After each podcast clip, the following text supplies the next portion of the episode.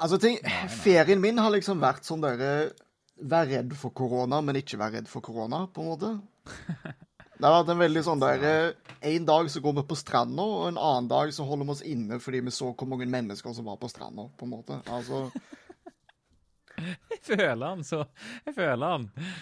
Det verste for meg var overgangen fra alle skal gå med masker hele tida, gud forbi du går uten maske, til Nei, da gidder vi ikke å gå på maske lenger.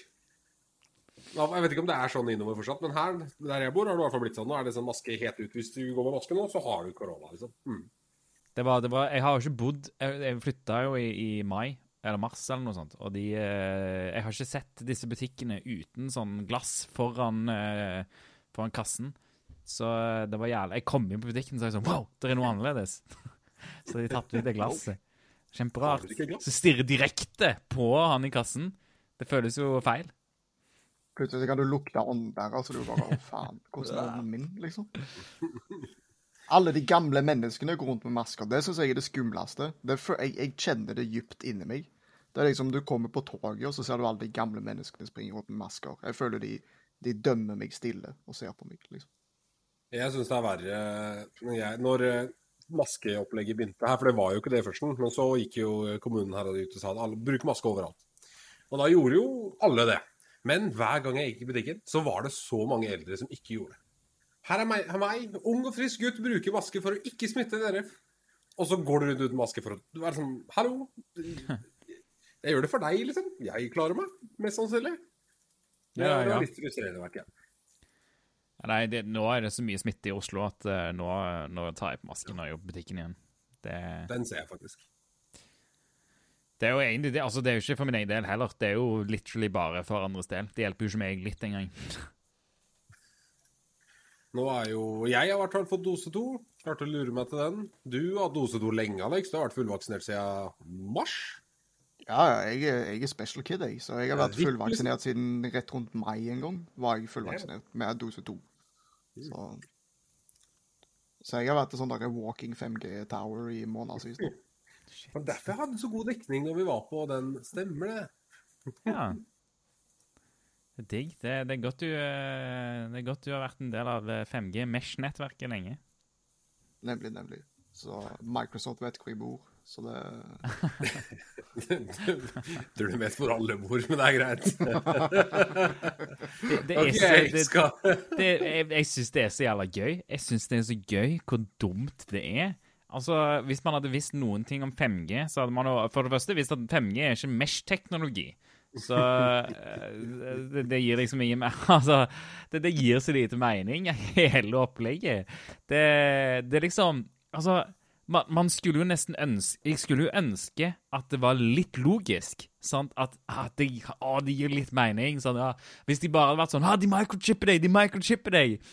Så hadde det vært sånn OK, jeg kan skjønne hvor du kommer fra, men når de er sånn Vi microchipper deg med 5G, så er det sånn ah, du, du skjønner ikke Du har ikke peiling på hva 5G er for noe.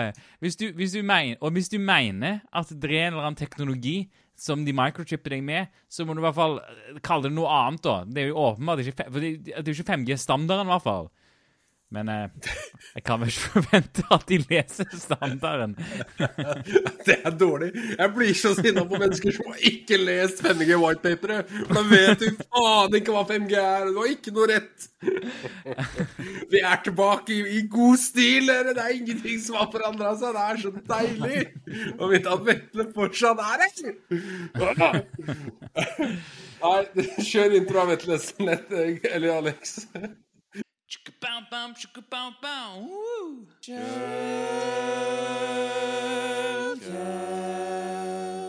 Hei og velkommen til episode 0x25 av Shellcast. Jeg heter Vetle, jeg jobber som pentester, og du finner meg på Twitter som at bordplate. Jeg heter Melvin, jobber som pentester. Finner meg på Twitter under alias Flangvik. Og jeg heter Alexander, og jeg jobber som pentester, og du finner meg på Twitter som Er det en ting?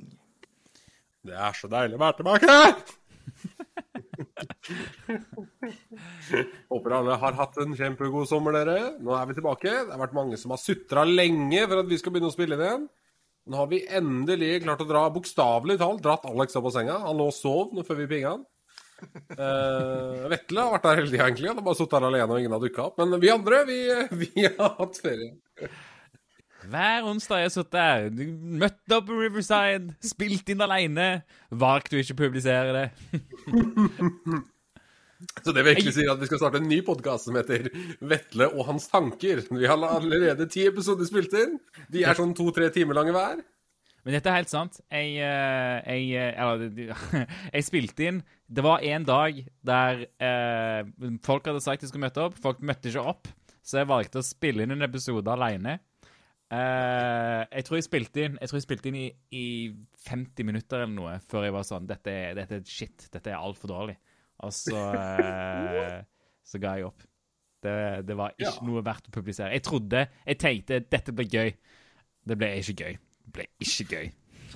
Jeg tenker jo at det kunne jeg sikkert fortalt deg før du brukte de 50 minuttene, men, men det, det er greit. Sånt nå må man bare finne ut av selv. Solopodkast, er det en ting?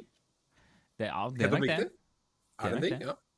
Kan være. Nei, jeg koste meg i hvert fall. Jeg hadde det gøy med meg sjøl. Ja, du, Men du var eh, sikkert veldig full mot slutten, ser jeg for meg. God sånn 06-08 promille mot slutten her. Kan Ja. være. det vil jeg tro på. Det vil jeg tro på. Jeg har, jeg har vært borti et par uh, Sorry. Jeg har vært borti et par sånne solopodcaster som faktisk er ganske gode. Uh, og jeg tror nok det at hvis du hadde vært mindre, mindre kritisk Vetle, så hadde det kanskje blitt uh, en, en, en Vetle-cast. Prøver du å si at Vetle er kritisk? Hva er det du Vetle er jo det mest liksom, Han er så positivt til alt. Så det er bare fordi dere ikke finnes en RFC for podcasting, men det er OK. True, true story. Eh, kanskje du skal kicke off med en god uh, war story, Alex? Eh, det kan jeg ta og gjøre. Uh, jeg jeg uh, Ukas story uh, er vel egentlig for meg, da. Eh, jeg eh, Nå har jeg jo vært en, en, en pentester i en liten stund. Eh, og på en måte enkelte ting har du på en måte prøvd på OECP, og så har du tenkt at eh, dette kommer jeg aldri til å se uh, ut i verden. Fordi at uh, nå har vi frameworks, vi har prepared statements, vi har escaping, Uh, og dette er innebygd i de fleste libraries. Sant? Så dette er liksom du, du må liksom være ganske OP da, for å kunne liksom uh, utnytte denne typen sårbarheter. Men av og til så setter Alexander seg ned og feilstaver sitt eget navn med år 1 er lik 1. Uh, og det viste seg tydeligvis at jeg uh, testa en applikasjon som da hadde SQL injection. Um, og det var ikke bare det at det var en vanlig sånn Ha-ha, du, du fikk en SQL injection. Men hele applikasjonen tryna og døde. Socketen Altså, det, er ikke snakk om at liksom HTTP-serveren begynte å returnere 404. No, no, no, no. Socketen som eh, skulle klarere SSL eh, bare, Det var bare ikke kontakt. Så Så det var funky. Så det du egentlig sier, er at du tok livet av en server da, som følge av SQL injection? Ja. Det her eh, Jeg er jo for det første amazed, da. At det, altså, SQL injection var en ting for Eller er jo fortsatt en ting, åpenbart. Men for ti år siden så kunne du gå innom alle søkefelter på alle norske brukerbilbutikker i, i, på internett og bare skrive en stygge stein, og så vil stygge Stygge stein Stygge tegn. Det er lenge siden jeg har snakka om gøy. Stygge tegn, og så ville dritten av tryna. Så det er ganske utrolig at du klarer å finne igjen det her i 2021, da. Det skal sies. Altså, jeg husker på en måte 2008 og, og liksom Anonymous og på en måte Det var jo en stor greie back in the day.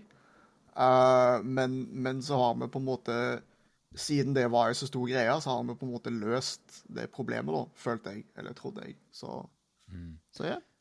Ja, nei, det, det, det SQL injection finner man fortsatt egentlig ganske uh, mye. Uh, nå heldigvis, da, den der eh, quote or equals uh, or one equals one uh, er man relativt ferdig med, føler jeg. I hvert fall i, i moderne, relativt sikre, nye applikasjoner.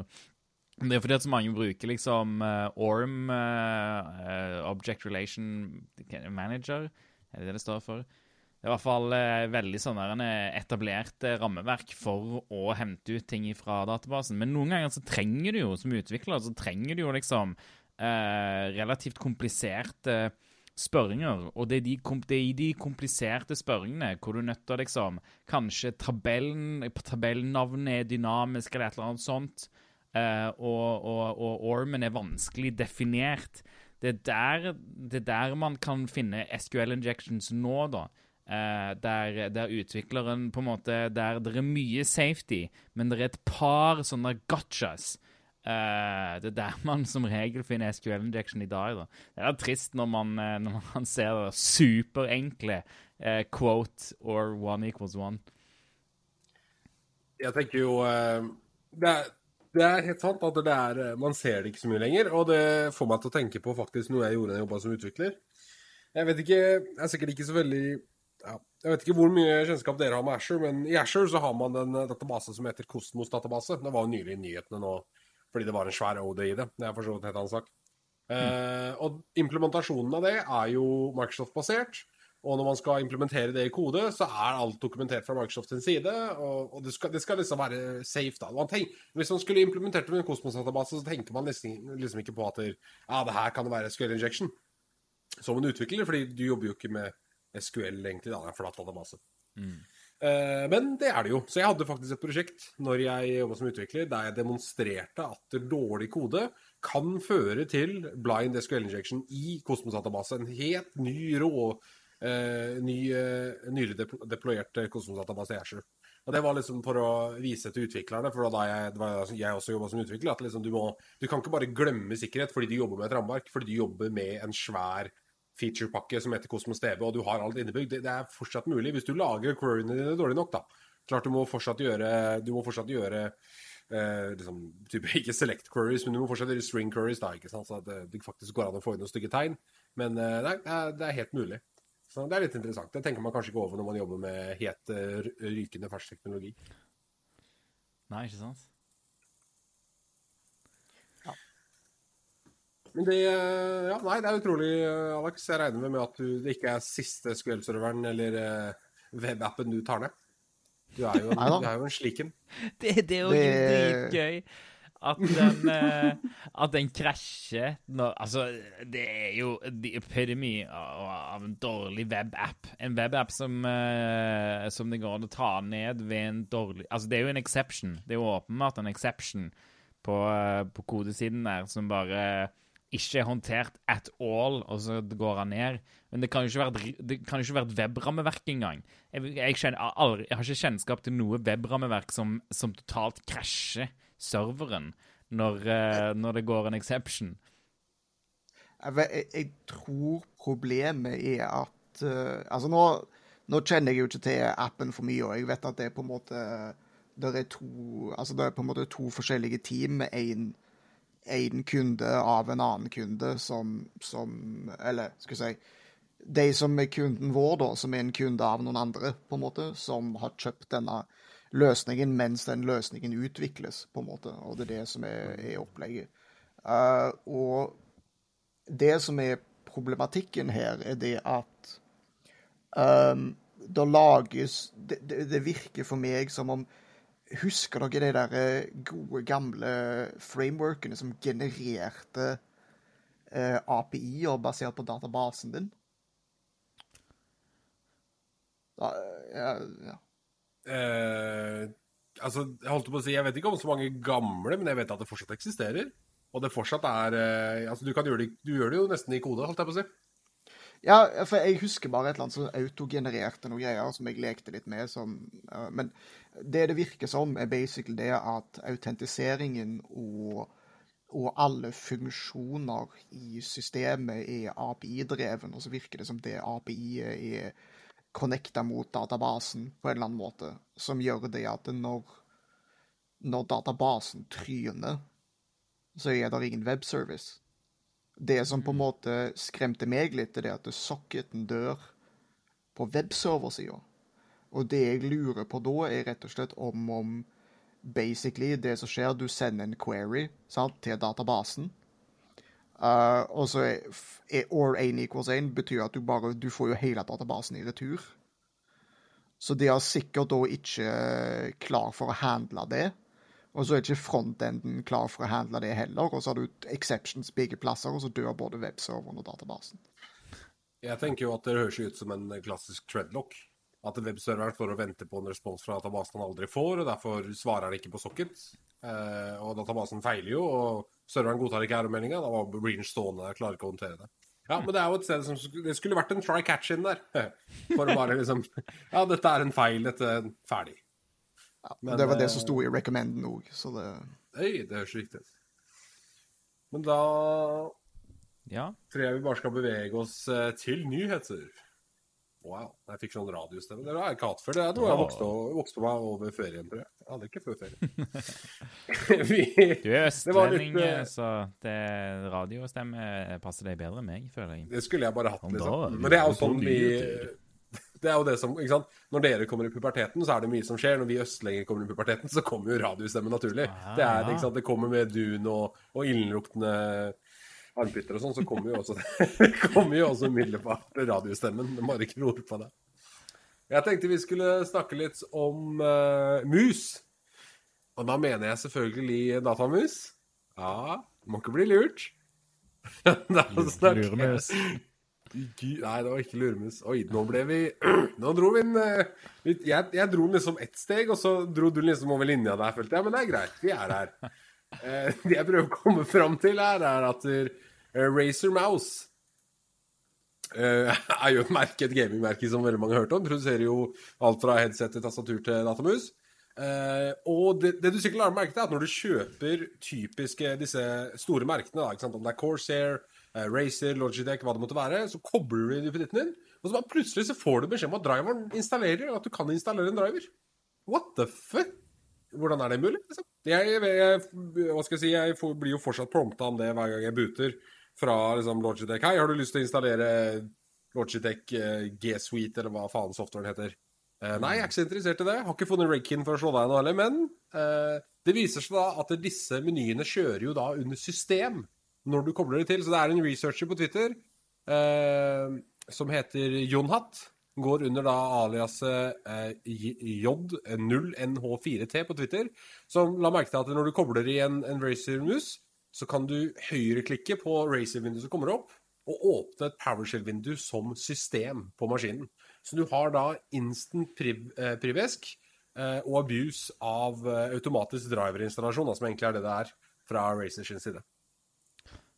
Ja, for de som, for de som eh, husker Windows 2000 eh, login bypass eh, En sånn klassisk eh, bypass der, der du kan eh, trykke på spørsmålstegnet, trykke på print, og så trykke på properties, og så kommer du til slutt inn på en eh, File Explorer-meny der du kan starte Explorer.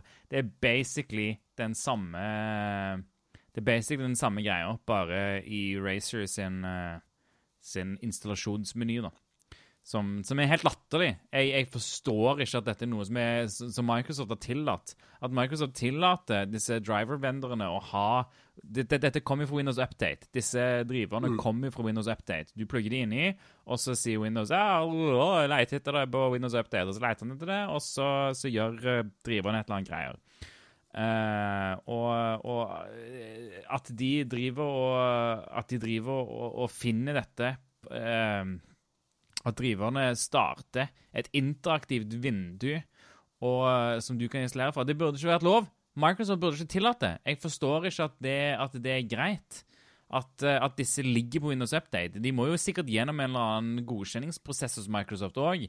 Og, eh, og Nei, jeg skjønner virkelig ikke at dette er noe Microsoft har, har latt gå igjennom. Jeg har regnet med Jeg har jo sett at de kommer automatisk fra Microsoft, men jeg har regnet med at alle disse er godt sjekka av Microsoft, og at ingen av de har lov til å gjøre sånne ting som dette her.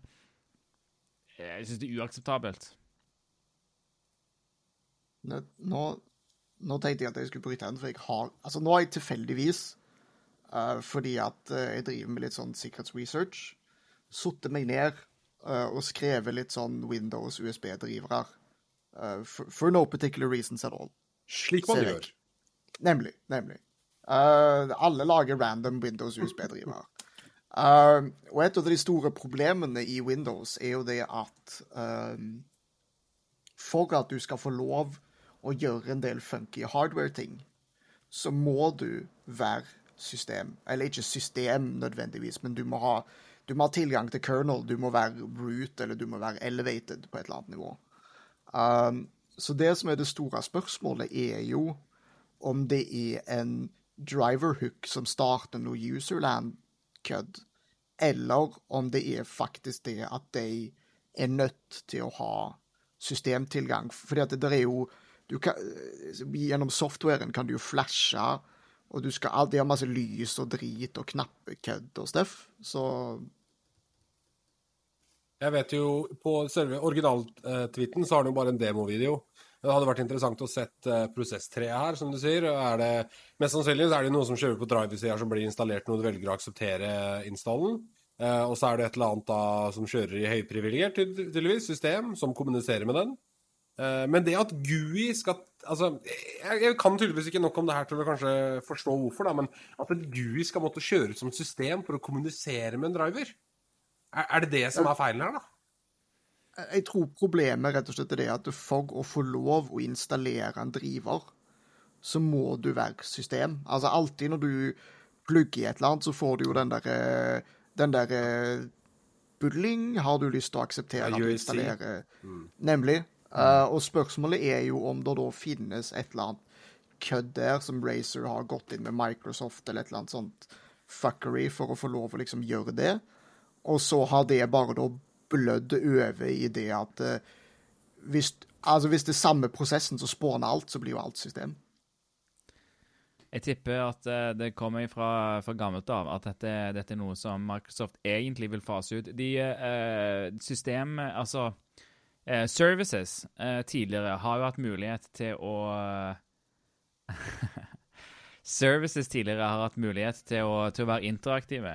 eh, og, og, og, det har de ikke mulighet til nå.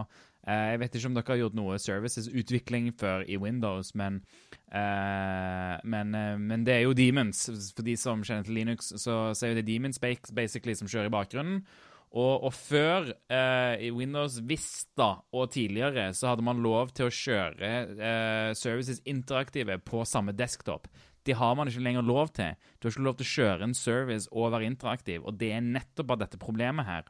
Fordi at services som regel kjører som system, og du vil ikke at de skal, de skal kjøre interaktivt på samme desktop.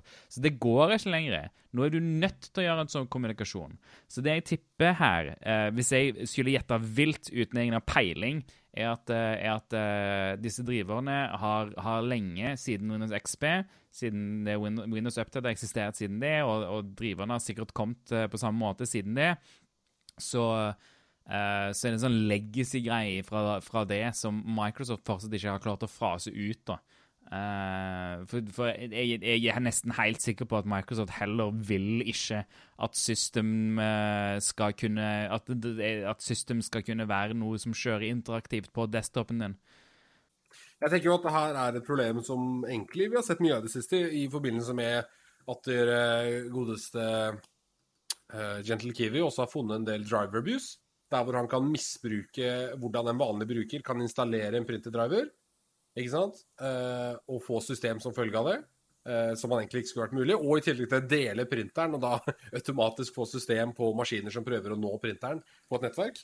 Jeg tenker jo at det, det kanskje henger litt sammen, da, at folk nå kommer til å begynne å reelt titte på måten Windows tillater driverinstallasjoner på. Eh, måten kanskje tredjeparts, eller inkludert programvare i Windows, da, kan eh, tvinges til å installere en driver uten at du egentlig må levere for å gjøre det. Så det er spennende å se, og eh, det er veldig skummelt. For å få instant system på en maskin er en stor fordel for en angriper. Uten tvil. ja. Absolutt.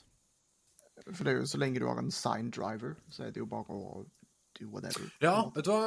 Jeg leste jo litt om det her i går, faktisk. Når jeg eh, lekte meg med liksom OK, er det mulig å For jeg, jeg er på en gig, det er en, det er en løsning som jeg har lyst til å bare fjerne hadde det vært mulig for meg å loade en driver, og så abuse en feil inn, for å da kunne drepe protecta prosesser, eller, eller bare uh, unhooke kernel callbacks, da, f.eks. Og da er det jo det. Alle gjør jo det. Alle bruker jo bare en vulnerable driver. Alle bruker MSA Afterburner-driveren. Laster inn den så lenge du er administrator, for den er signed. Det er en feil inn, og så kan de da lage eh, applikasjoner i eh, vanlig liksom, systemminne som kan kommunisere med driveren, utnytte feilen og gjøre hva du vil. Eh, og da er liksom hele signeringspoenget til Windows helt ugyldig, fordi de har ikke tatt en god nok titt på driverne de har signert. Og nå kan jo folk bare signere dem med hytt og, hytt og pine uansett, så det er skummelt. Uh, det kan godt hende at vi ser nå, eh, fem års tid framover, at vi jobber At avanserte aktører går tilbake til rootkit og den type ting. For det har jo liksom ikke eksistert de siste 10-12 åra. Ingen som har godd det. Det har ikke vært nødvendig, liksom. Å begynne å gjemme seg fra Task Manager og gjemme seg fra Process Explorer. Det er ikke, det er ikke nødvendig. Eh, men kanskje vi går tilbake til det, fordi det nå er så utrolig lett å bare bli system. Bare automatisere EDR-killere. Ja, nei, det, altså, det, er absolutt, eh, Jeg tror det er mye drivere. Jeg tror det er mye, mye mye drivere som er jævlig dårlige. Eh, og, og, som det sikkert er dritlett å kommunisere med og, og få noe eh, privesk bare ved å gjøre noe drit mot de. Eh, ser jo uh, Steel Series òg hadde jo samme problemet med sine drivere. Uh, og, og dette, dette, er jo bare drivere Racer og, og, Steel Series er jo bare drivere som literally gir deg UI som gjør det pissenkelt å få uh, fra system. Men man vet jo ikke med de driverne som gjør noe enkel uh, IPC, altså Interprocess Communication. De driverne som prøver å gjøre det bra, de som prøver å være litt flinke og, og kommunisere med user space på en vanlig måte, og, men, som, men, som, har enkle ja, buffer overflows eller uh, use after free vulnerability som er dritenkle å, exploite. sant?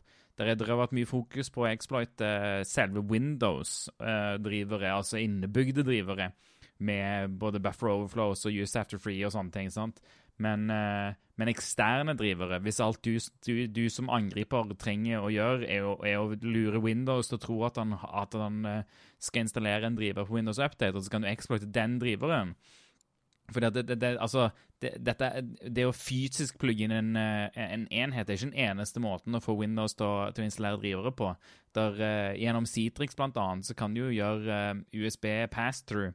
Så, uh, så, så kunne gjøre det og så får Windows til å automatisk installere en, en, driver og exploite den driveren. Det er jo en kjempegod angrepsmulighet for, eh, for angripere. Melvin, du er gira på å snakke. Go. uh, det, som, det, det, er jo interessant det du sier, fordi så fort det her ble public, så begynte jo folk å lage mods av det her, så du ikke trenger å ha en racy mus. Sånn som jeg forstår det, så er det jo bare en, en hid eller vid eller pid, eller alle tre, som er assigna. Altså en hardreader, da. ikke sant? Devicen har en hardreader. Når Windows detekterer en hardreader, så trigger den driver install, for det, det, det, gjør den gjennom Windows Update. Så folk har jo da lagd et batch-script. Uh, unnskyld, et bash-script eller SH-script som du kan kjøre på en ruta Android-telefon. Og da vil den USB-porten på Android-telefonen spoofe og late som den er en Racer Moose. Så hvis du er på en fysisk gig, da, du har tilgang til en datamaskin som er logga inn på, så kan du bare koble inn mobiltelefonen din, få prompten fra Racer, så er du system. Uh, og jeg er helt sikker på at det kommer til å komme payloads til både Bash Bunny uh, 1 og 2, og sikkert også de par andre duppedittene uh, Hack5 selger. Jeg vet òg at den OMG-kabelen, uh, som er den helt råe Essentially en mikrodatamaskin som eh, sitter og emulerer et tastatur inni en ladekabel, har også utnytta den sikkerhetshullet her i det som eh, vi, Han skriver i hvert fall på Twitter at Racer har ikke fiksa det her på over et år. Vil si at utvikleren av OMG mest sannsynlig har sittet på den her og brukt den uh, i et år. Uh, det, ja, nei, det er helt utrolig at der, uh, det er så store gaps at Windows tydeligvis tenker at nei, hvis du har, hvis du har GUI, så er du riktig bruker. Da er det ett fett. så det er interessant å se hvordan det utvikler seg. Alex? Ja, nå On that note uh, så satte jeg meg nå ned og googla det, og fant uh, MSI Afterburner uh, CV1 med CMake-enabla compilation. Der du bare kjører CMake, og kjører den, og så bare Her er system.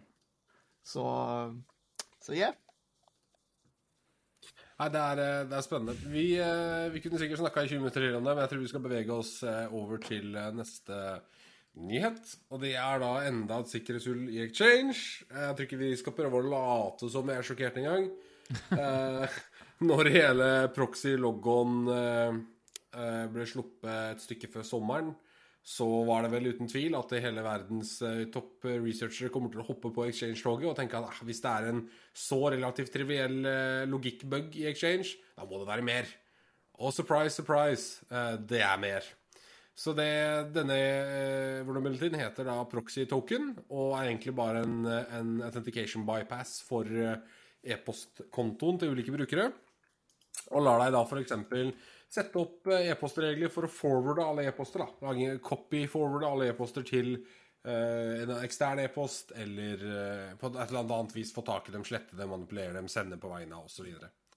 Uh, og det høres kanskje ikke så veldig, veldig uh, liksom farlig ut. Altså Åpenbart så, så vil jo ikke noen skal lese e-postene dine, men for å sette det på spissen Hvis du legger på stikkordet innsidehandel, store selskaper som er på børs, store selskaper som skal annonsere noe på børs, får tak i denne informasjonen via interne e-poster, kan du tjene veldig mye penger. så det er uten tvil et sikkerhetshull som det er noe vits å, å bry seg om. Ja, nei, eh, altså Exchange ja, Det er jo legacy-kode. Det er mye legacy-kode i Exchange. Det, det er gammelt. Det er ikke overraskende at, at, det, at, det, skjer mye der, da. Så uh, Nei, hva skal man si? Det, det, det, kommer nok til å bli sånn mye med med, med, dette. Hadde Lynk vært, vært, brukt fortsatt, så hadde vi sett mye vulnerabilities i det òg akkurat nå. Men der, jo, der, har det jo blitt sånn at, eh, at akkurat den modellen eh, er fasa ut. Så, så jeg, jeg, synes det, det, det, er veldig naturlig at, at, vi møter på flere ting, flere vulnerabilities nå, i Exchange, nå som det har fått fokus i det siste, og at det, det da kommer ut uh, noe nytt. Jeg, jeg, ser dette som uh, en rekke av de siste vulnerabilities som vi, vi ser i Exchange på en stund de siste ordentlig tunge vulnerabilities som vi, vi ser i, i, Exchange på en stund.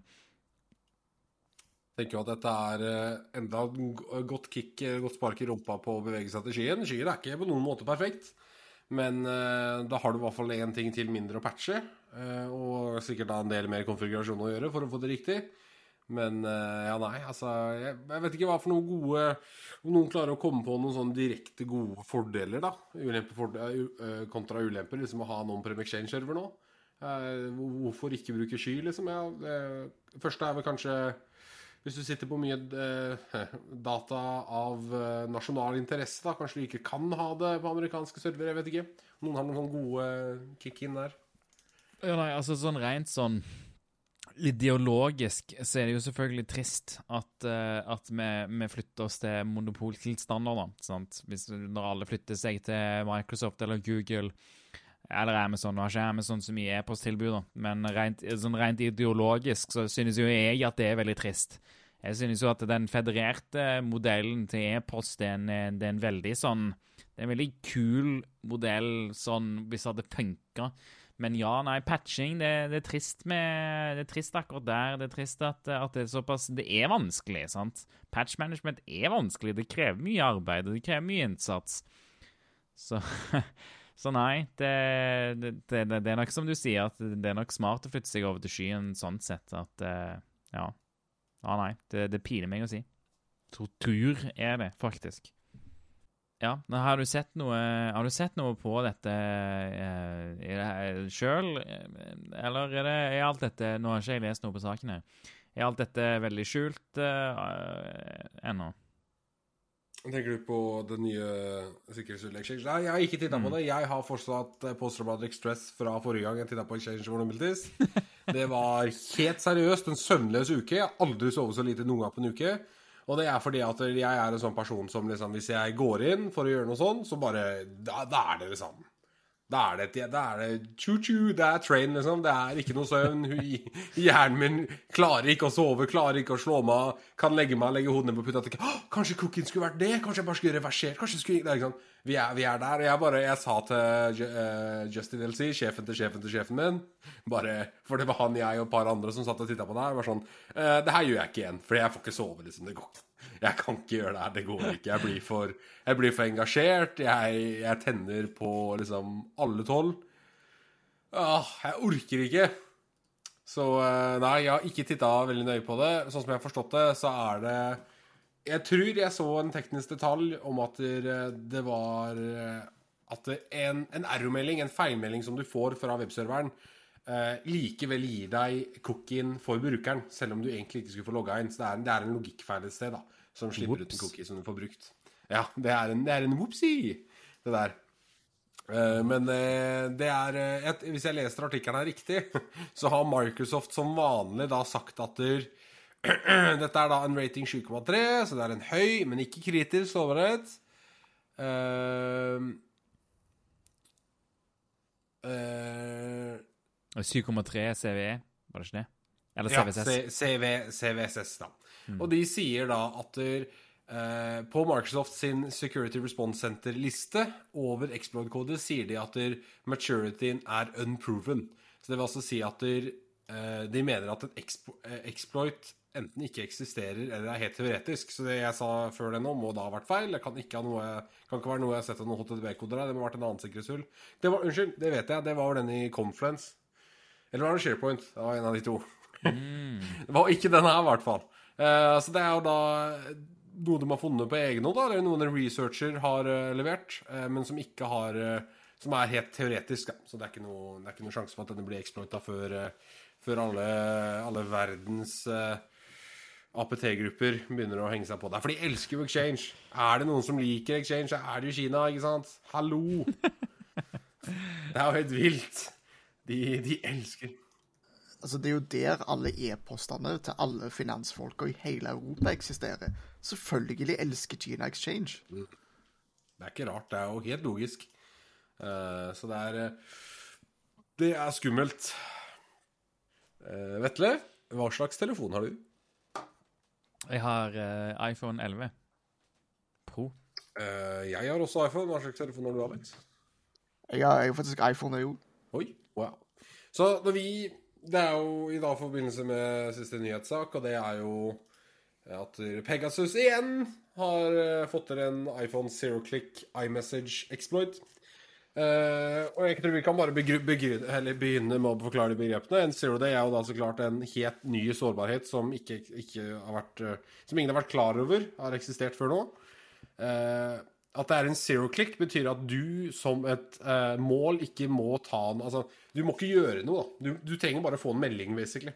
Du trenger ikke å klikke på noe, du trenger ikke å installere noe, du trenger ikke å akseptere noe, du trenger ikke å skrive noe pass, ingenting. Zero click, du får en melding, du er eid.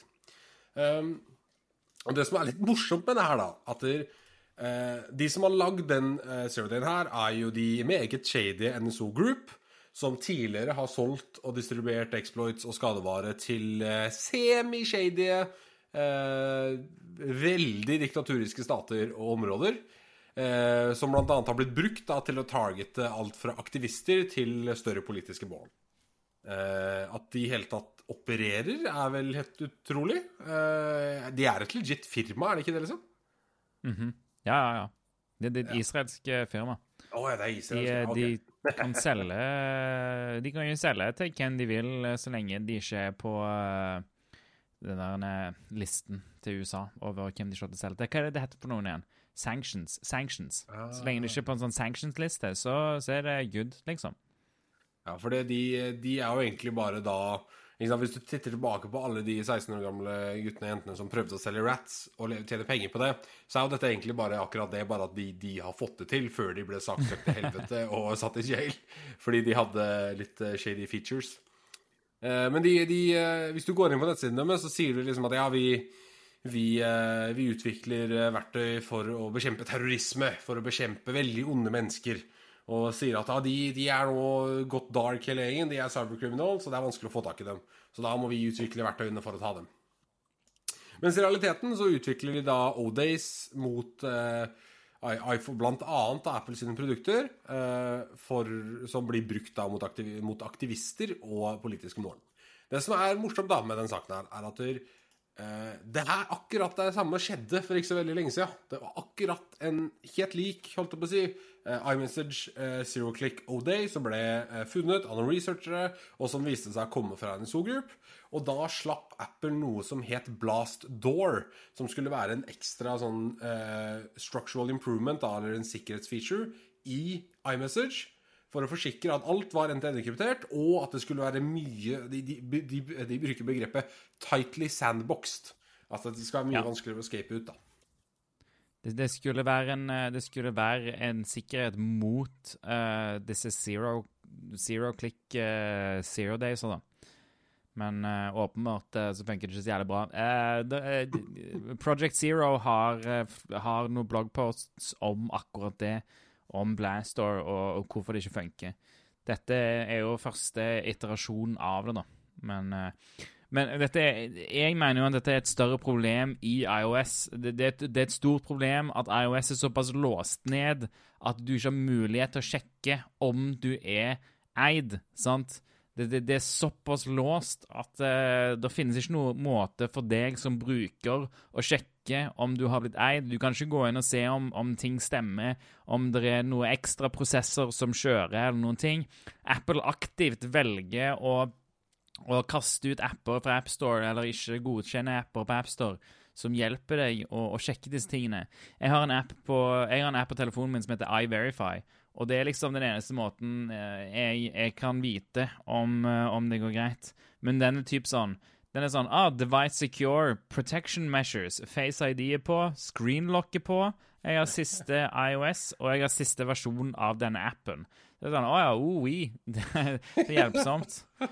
Så så jeg, jeg mener jo problemet her er Apple som, eh, som, som ikke lar deg på noen måte sjekke dette. Og, og, og det, det, det, henger i en tynn tråd å si at eh, iOS er, er, er det sikreste OS-et. Ja, iOS er veldig flink på protection measures, som for eksempel Asler, Castler, uh, Blast Door og sånne ting. Men, uh, men men sikkerhet handler ikke kun om hvor vanskelig det er å finne en zero day og, og exploite en telefon. Det handler òg om når du er exploit, exploita, når noen har angrepet deg, hvor lett er det å finne ut at du har blitt angrepet, og at noen er på telefonen din.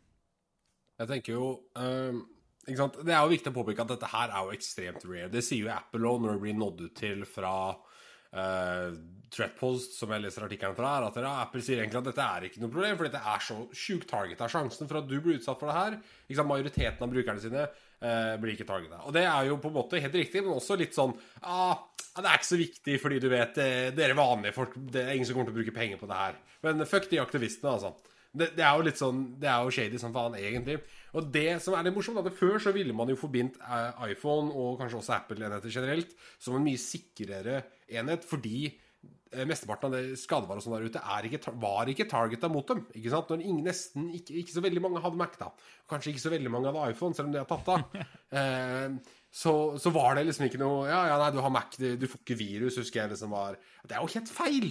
Angriperne har jo adap eller, det, adopte, adaptert seg. Altså, de har jo tilpassa teknikkene og skadevarene sine til å nå mennesker, større mennesker, flere, eller flere mennesker. Og da så klart så lager man en Mac Malver, så klart så lager man en en life malware. Men problemet, som Vetle sier, er at du er fucked. Fordi den her, dette er et svart hull. Du aner ikke hva som kjører på. Du har ingen mulighet til å se hva som kjører på. Du har ingen mulighet til å sideloade apps til å se, oi, til å se hva som kjører på den. Eh, der røk den. ja. Mm. Du har ingen mulighet til å sideloade apps og se hva som kjører på den, og du har ingen mulighet til å Altså Med mindre du router den, da, ikke sant? som egentlig er gigantisk sikkerhet i seg selv. La oss ikke begynne med det.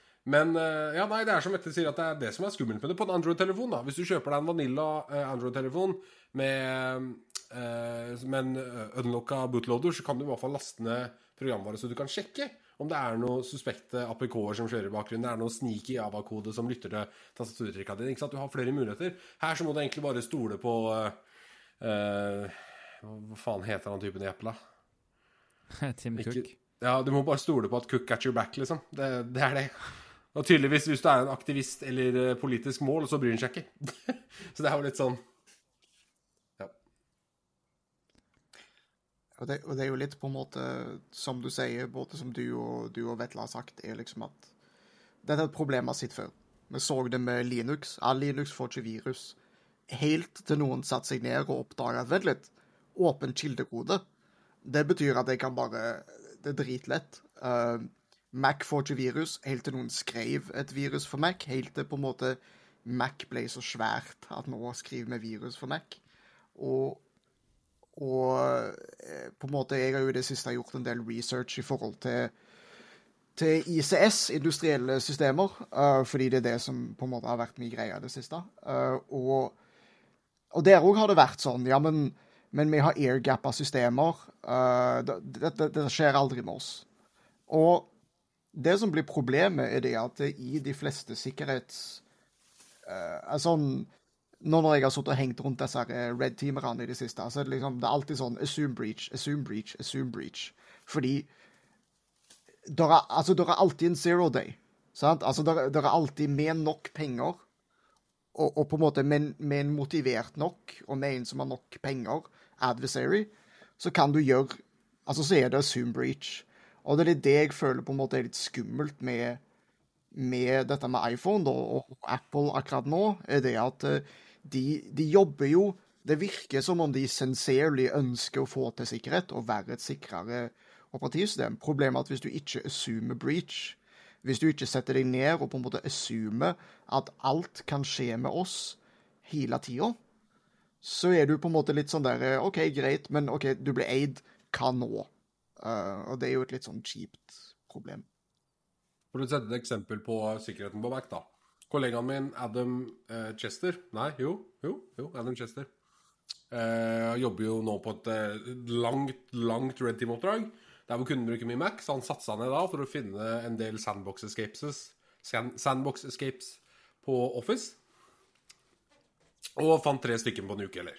Og så kan det sies at Adam Chester er et fuckings rivjern. Jeg vet ikke hva han spiser, jeg vet ikke hva han går på, men uh, jeg blir imponert om det er noe mindre enn uh, altså, kokain. Gutten er uh, Eller mannen er bare helt rå, liksom. Ikke, ikke don't do drugs, kids. Det var ikke det jeg mente, men liksom Hvis du vil hacke, ta kokain. Til to ekser som kom inn og beklager det, vi snakker om kokain. Nei. Uh, det, poenget mitt var at gutten er jo bare helt rå, ikke sant. Og hvis en som han, da, kan sette seg ned holdt på, å si, på gutterommet og, og gjøre det der på en uke, se for deg fire harddrevne eks-NSA-folk, liksom. Eller eks hva enn den organisasjonen eh, i Israel eh, som er tilsvarende NSA, het. Eller heter. Prøv, setter seg ned og gjør det, og får masse spenn for å gjøre det. Det er jo? Det er jo hvem som helst kan komme seg inn. Det tar bare nok tid og penger kasta på problemet, så får du en no day. Uh, men det som er veldig ironisk, at det skjer så fort etter at Apple lanserer det som liksom skal være løsningen deres på Zero Clicks. Uh, så ja, nei, det er eh, morsomt. Det er ikke første og ikke siste gang vi kommer til å se Zero Days bare komme seg rett rundt uh, nye implementasjoner for å slå ned på dem. Jo, jo, men, men det er jo en bit av meg som hver gang noen sier, går ut og sier vi har løst sikkerhet, som har litt lyst til å sette seg ned i helg og bare drikke altfor mye Red Bull, og så bare Nei, det har du ikke. Sant? Så, så det er jo Ja. Oh, ja. Ja, nei, jeg, jeg skal bare si at uh, altså Sånn som uh, mye, mye, av, uh, mye av data går jo over på mobil og, og tablet. Og, og, men det går ikke an å gjøre sikkerhet. Det går ikke an å flytte hele bedriften din over på iPads, f.eks.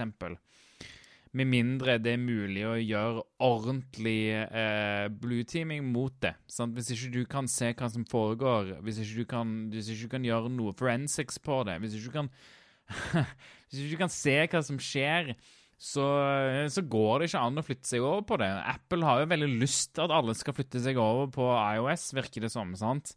Men uh, det, det, det, går ikke an å flytte hele bedriften din over mobil hvis, uh, hvis, du ikke kan se hva som skjer på mobilene. Du, du er nødt til å kunne gjøre eh, forensics på det. Og, og, det tror jeg ikke Apple skjønner. Apple er ikke et selskap som fortjener å eksistere i en bedriftssammenheng, for du kan ikke skalere med det.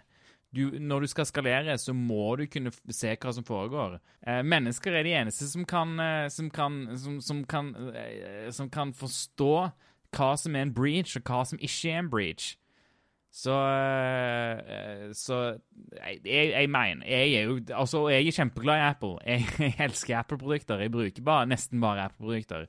Men, eh, men jeg, jeg, mener legit at de har lite å gjøre i, i bedriftssammenheng. Bare fordi at Apple har så tight kontroll, og at uh, du får ikke noe innblikk i det. Og selv bare det å, å gi folk iPhone, sant? At, hele bedriften har iPhone. Mer og mer, mer og mer så, så gjør man eh, kritisk eh, arbeid på telefonene. Sant? Om du sender e-poster, eller om du gjør whatever. Eh, og man har noe mobile device management på iPhoner. Det, det går jo. Ah, Du kan gjøre MDM på iPhoner, men du har ikke nok innblikk til, til at det egentlig er komfortabelt nok. Og det tror jeg ikke Apple skjønner. Jeg tror virkelig ikke Apple skjønner det. Uh, så så det, jeg ser for meg at, at det, de, de kommer til, det kommer til å forsvinne. Det, I bedriftssammenheng. Så, så på lang sikt så er ikke dette bra for uh, Det er ikke bra. Det, det, det er bare ikke bra nok. Jeg tror eh, Jeg er for så vidt helt enig i mye av poengene der. Vi sporer jo litt av, da, men helt enig. eh, Det største Apple har i bedriftssammenheng, er vel kanskje eh, altså, medieindustrien. Videoproduksjon, bilderedigering. Der har de en stor gap, men jeg vet ikke Det er så veldig mange andre selskaper mindre driver med Mac-utvikling, som, som, som satser på å ta det Active Director Domain eller en eller annen form for internt infrasystem. infrasystem på, på Mac-er. Men eh, jeg tror vi skal avrunde eh, iPhone-diskusjonen og Apple-diskusjonen der, så vi ikke roter oss helt bort.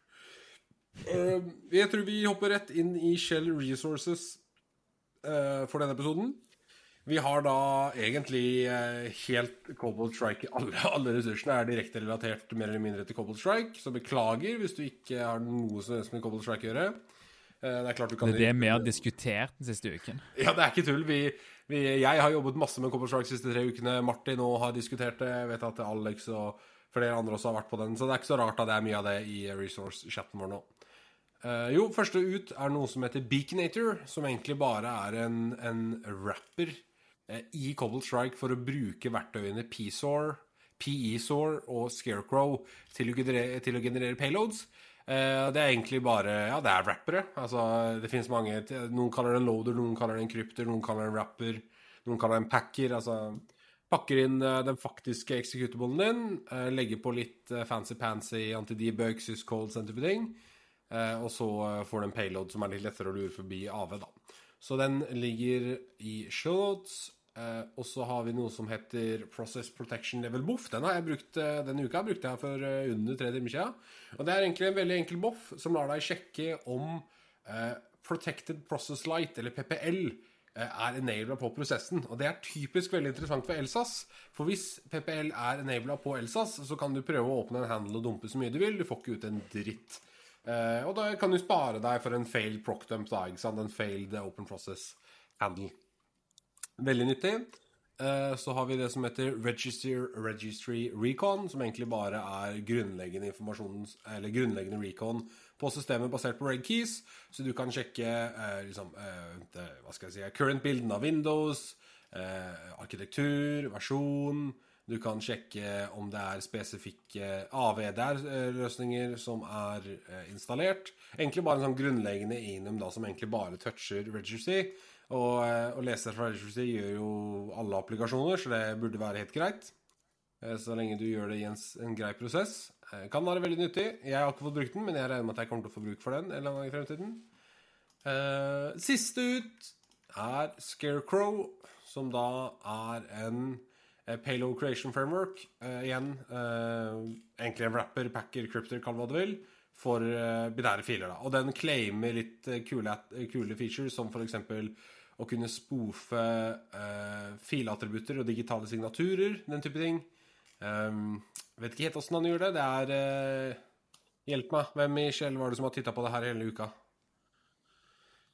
Uh, ja, hva gud Jeg vet jo eh, Ja, vi kaller han vel bare Three Stripes, gjør vi ikke det? Han, han, Stripes, ja. Stripes, han ja. vil vi sikkert at vi bare skal kalle nå, kjenner jeg han riktig, så vil ikke han ha navnet ut uansett, så Ja, nei, jeg tror Stripes er best eh, der. Det er en, det er en fyr i intern interne Kjellisgården som heter Stripes, som, uh, som kanskje mange vet hvem er, som har titta veldig mye på det her. Og han er eh, Kjenner jeg han riktig, så er han langt, langt, langt nede i et eller annet eh, C2-rammeverk i Rabbit Hole akkurat nå. Sånn som han er noen tolv timer av døgnet ellers. Mannen eh, ja, puster og spiser C2-rammeverk om dagen. Så, ja, men det er liksom legitimate det er eneste han gjør om dagen. Så det er ikke så rart at han har titta på Scarecrow, da. Å, han var ikke imponert. Var ikke bra nok, ikke imponert. Eh, Jeg syns det er veldig greit, så dere får eh, ta det, laste det ned, modifisere det, gjør det til en egen greie. Kan brukes på engagements. Uh, ja, nei, jeg har ikke noen flere uh, resources av dere. Nei, da, da ja. For første gang eh, på lenge så kan jeg få lov til å minne om at vi har en kanal på Norsek sin Discord. Norsek. Norsek er en fin Discord. Veldig fin. Det er en, eh, er en Discord-server med masse folk fra den norske sikkerhetsbransjen. Eh, sikkerhetsmiljøet, som vi vil eh, kalle det egentlig. Eh, du må joine den. Det er gøy. Eh, der er det masse gode diskusjoner hver dag, så join der. Og mer er en kanal der, så når du har joina, så gå til information. Trykk på mikrofonen i rolleposten. Den ligger litt opp nå, så du må skrolle bitte litt opp. Eh, Men du har jo lest reglene og alt der når du har joina, så, eh, så du går inn i information, trykker, trykker deg oppover. Og så eh, trykker du på mikrofonikonet i den rolleposten der, og da, da får du tilgang til Shellcast-kanalene. Da kan du snakke med oss, da kan du sende inn submissions til hva du vil vi skal snakke om. Det er både nyheter, du kan sende inn eh, lytterspørsmål og hele pakken. Eh, hvis, hvis du ikke har lyst til å eh, joine Discord, hvis du av en eller annen grunn ikke har lyst til å være på Discord, så kan du òg sende oss lytterspørsmål på e-post på podcast at 5h3ll.sh. Eller, eller til og med, til og med, så kan du gå inn på Twitter, og der er vi på Shellcast, men i Leadspeak igjen, så 5h3llcast. Der er vi på Twitter. Så, eh, så må jeg takke alle sammen for at dere har lyttet på oss. Eh, Vi lyttes igjen neste uke. Og eh, ja, det blir neste uke. Jeg lover. Jeg syns det blir en bra outro. Det. Ja, nei, det var, jeg er imponert at du ikke datt i bakken. Du vet, Vi trenger vanligvis oksygen, vi andre, for å kunne snakke, men du bare Du var der. Kanskje det er ikke Adam Chester som går på kokain? Her, er, her kommer det fram. Vetle er liksom Det er full exit-kjør på Vetle her. Øl og kokain. Det er sånn man kommer gjennom hverdagen. Ja, nå er vi nå R-rated, liksom? Får vi lakket det, Det er der på. Spotify? Nei, No joke? det skal jeg si Det skal jeg si er kødd. Det er kødd. Ja. Er. Kan vi kalle episoden kokain? Nei. Ja. Jo, Ja. Ja. Ja, Vi kaller den kokain i Litspik. Kom igjen, da. Kom igjen, da. Åh, ja. Ja, episoden Nei, nei, episodenavnet er Episodenavnet er ting vi har sagt i episoden. Ja, vi sa kokain! Ingen har, sagt kokain Ja, ganske Ingen har sagt kokain med leadspeak. Det er for dumt. Eh, for dumt. Eh, Kan noen dra opp kokain i Leadspeak? Ja, men hva bare ja, Jeg syns kokain i Leadspeak hadde vært en bra episode. Jeg må innrømme. OK, vent da. Hvis du du da. literally skriver kokain i leadspeak, og du har med dette, så er jeg med. C0, Jeg er med på det. C, fi, 4, 1, N. Vi har etablert, vi har etablert rutine på eh, navnet, skulle du si. Regler. Hva skal jeg kalle det? Ikke rutine. Ikke Nei da, men jeg, jeg, skal- jeg, eh, det, Kjære lytter som hører på, men du vet jo det her allerede. Jeg skal ta med det her, Vetle. Så, så alt det her skal med. Så du ikke på det. Det, det, altså, det er jo etablert hvordan vi lager navn, og du kan ikke bare endre hvordan vi lager navn. Ja, Men vi sa kokain-episoden. Da, da kan man kalle det kokain. Ja, det, det er greit. Jeg, jeg, er med, jeg er med på det, men det var ingen som sa liksom Vel, nå sa jo egentlig Alexander uh, det K det gjorde han. 4-1-N. Jeg gjorde det med vilje. Men da synes jeg Ja, nei. Nei, vet du, I dag er det jeg som redigerer. Da får jeg bestemme hva vi skal hende.